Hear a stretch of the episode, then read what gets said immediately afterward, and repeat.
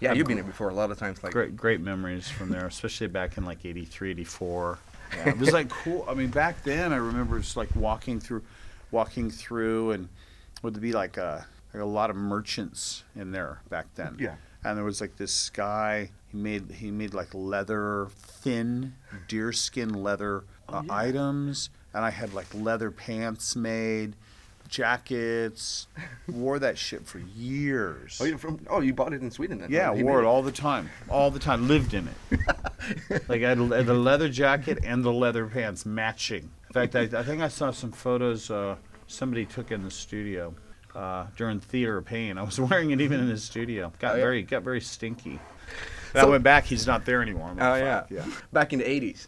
Yeah. So what's happening now? Uh, yeah, you're doing the final tour. What's going on with Sixx:A.M. right now? We're just When you- about done with our double album. First album comes out in June. Second album comes out in November. So you know our concept behind recording a lot of music is that we want to get music to the fans, but we won't want to give them so much all at one time, so they don't have time to digest it. So we start touring in April and May in America, June in Europe, doing mostly festivals, but also um, playing in between shows. Um, sometimes we'll headline, sometimes we'll support. Uh, we also so that happens all through April, May, June. Then the album comes out. So people really hear all this music. It's like see Sixx:A.M. for the first time, like out touring, and then I'm gonna go home July and August, uh, be with my wife so she doesn't kill me because I've been gone so much, and then we start back up in September, October, November, December Yeah. second record in November. Um, we also uh, plan on rehearsing a lot of music because we play secret. We play shows under another band name. So like if we play, you know, in Stockholm, you never know. We may play 200 seat club at two o'clock in the morning. Yeah, or you know, or not. You never know. It's Oh, not. like- that's fun. Not something that we promote. You know, it's something that we just kind of do it a few weeks in advance. Yeah Well, that's fun. yeah. So we have like a whole alter like ego band Okay. as well. Yeah. What's the name of it? You never, know. You never know. Do you get the, the time to go work with Sixx:A.M. and Motley Crue right now at the end tour? Do you, Well, now it's, it's difficult because we're obviously I've been on the road doing this, and Yeah. uh, this is you know Motley Crue's been the love of my life for over 30 years. Um, at the same time, you know I've got seven years of time invested with James and DJ and Sixx:A.M. and we have three albums and. Um, you know, one of uh, one of my books, which inspired an album, The Heroin Diaries, has been turned into a Broadway play. So Yeah. we're involved in all the music for the Broadway play. So you know, it's a it's very uh, musical. It, musically, it's very rich, and um, you know, my idea of you know ending Motley Crue really has nothing to do with Sixx:A.M., but it is a benefit to me as an artist and a benefit to Sixx:A.M. because there'll be so much more time available. I look at the calendar and I go, um, I have two months for Sixx:A.M.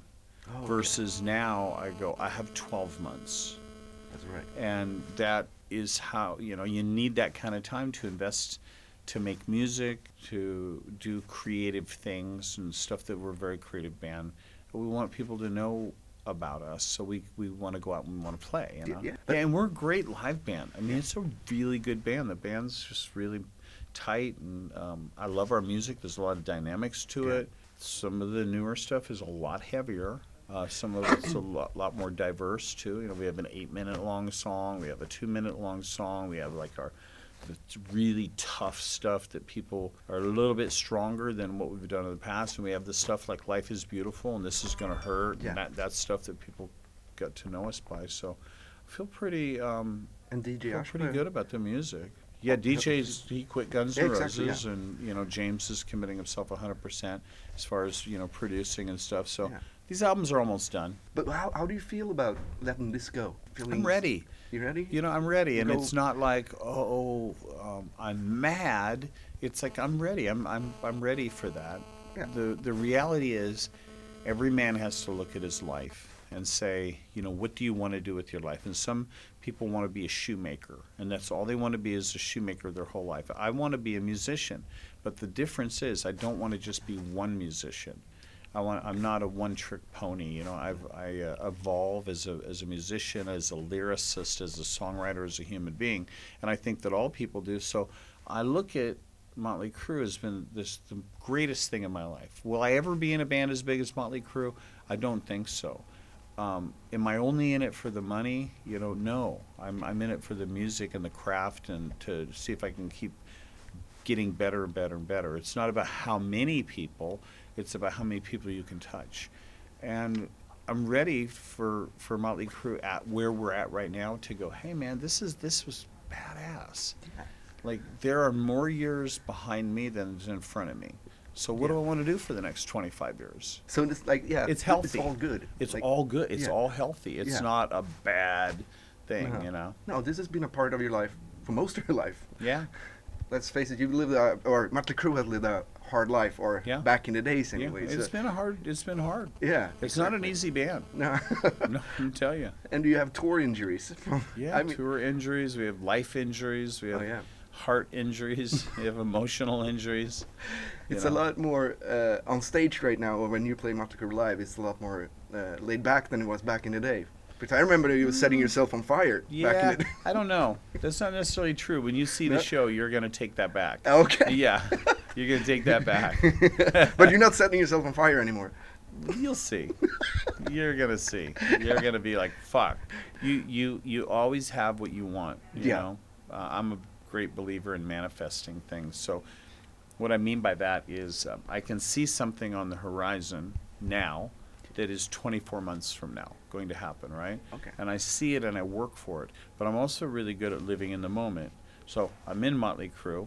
I'm manifesting something else as I'm doing the n- working towards that thing that's going to happen. Yeah. You stay focused on what you're doing. So you have to constantly stay engaged as an artist. And you know, for me, if I'm not writing lyrics, I'm writing poetry. If I'm not writing poetry, I'm writing um, I'm writing books. Yeah. You know, if I'm not writing a song, I'm doing photography or I'm doing radio.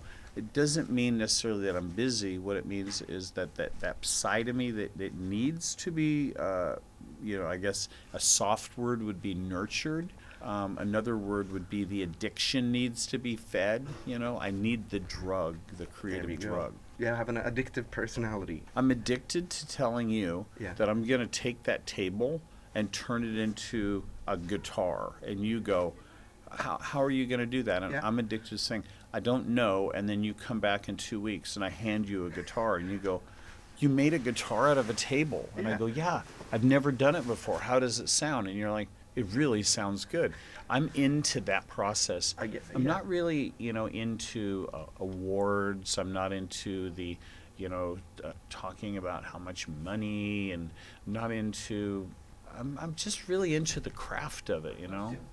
I'm really into the craft of it. That's what I've. I've always You're been that way artist, with like- with Motley Crue. You Yeah. know, it's about doing something that seems unattainable and making it happen. You know, Yeah. and then then you do it and you go, ah, oh, if I can do that once, I can do it twice, and then I can do it three times, and then so kind of you know long version of your you know what you said is. You, you, you will never stop being this way if you choose in your life to live your life that way. You know, Yeah. if a painter paints until their heart stops. Of course. You know, so it's just some version of, of Yeah. that. Well, let's talk about. Uh, there's a lot of rumors about Motley Crue back, you know. Yeah. And the first one was: Is it true that Tommy Lee injected Jack Daniels in his body with a needle? Into his dick. I don't know. that was that was me. Oh, you did? Into my dick. But yes, we we both uh, injected into our bodies. Yes. Jack Daniels. Yeah. Did it work? It was wonderful and a stupid idea. Yeah, a great way to die. Oh, exactly. yeah.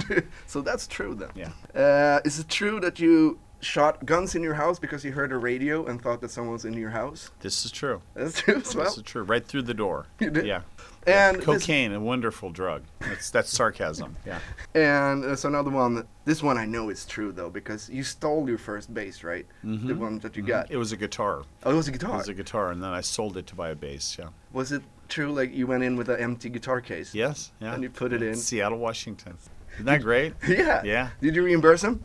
Uh, I, I never have. I'm thinking about getting around to that, you know, at some point. Except it was like a 1970 something gold top Les Paul. So it's probably worth $100,000 now. So I think I just, I'm not going to, I think I'll just leave it alone. I mean, do you miss the drugs or No, th- no, I, I don't because um, they stopped working for me. You know, Okay. people like hear the stories of when when it was like fun and it was uh, kind of that that part of the drug experience.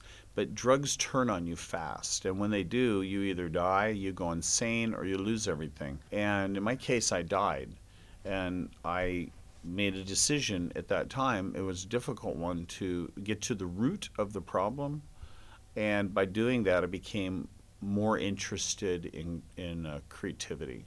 So no, I don't. I don't miss it. Don't I don't it. miss it.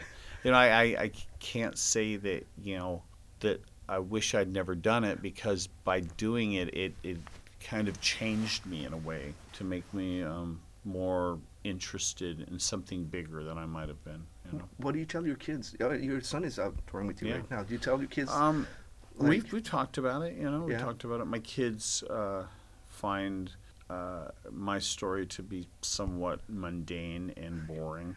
Yeah. yeah, that's you know. I'm, I'm their dad. Yeah, you know. exactly. They they don't see any platinum records in the house. I don't, yeah, hang out with famous people. I mean, they might find me, you know, slaving over a lyric in the Oh, yeah. kitchen. You know, it's like dad is so boring. I'm a very boring. I'm I'm so artistic that I'm boring. My Yeah. wife is like. It has been four days. You need to eat now. you know, when I had my photography studio, my assistant would come there after two or three days, and I would have like these glasses on. I would be like have blown up this my artwork and would be like taking it and uh, like dissecting it and tearing it apart and then repainting it and then doing all this like stuff to it and then rescanning it and re rephotographing and these huge art pieces. And she would just be like, you know, you might consider meeting a girl. like, there you go. I'm, I'm, I'm, I'm a sad case for a rock star. I'm sorry. It's sad. But I mean, if they go and do drugs and everything, you say, Yeah, drugs, I tell you, drugs will, will destroy your life. yeah, and you tell your kids that, of Yeah, for course. sure. Absolutely. Would you get fucking up or upset when they if they come home and like drunk or? Yeah, that's and that's like we have a we have a very open line of communication, so that's Oh. that's not part of our world. No, sweet.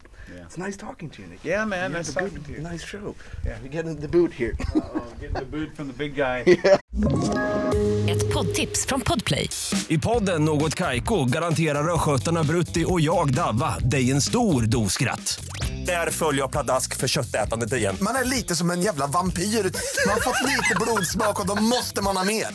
Udda spaningar, fängslande anekdoter och en och annan arg rant.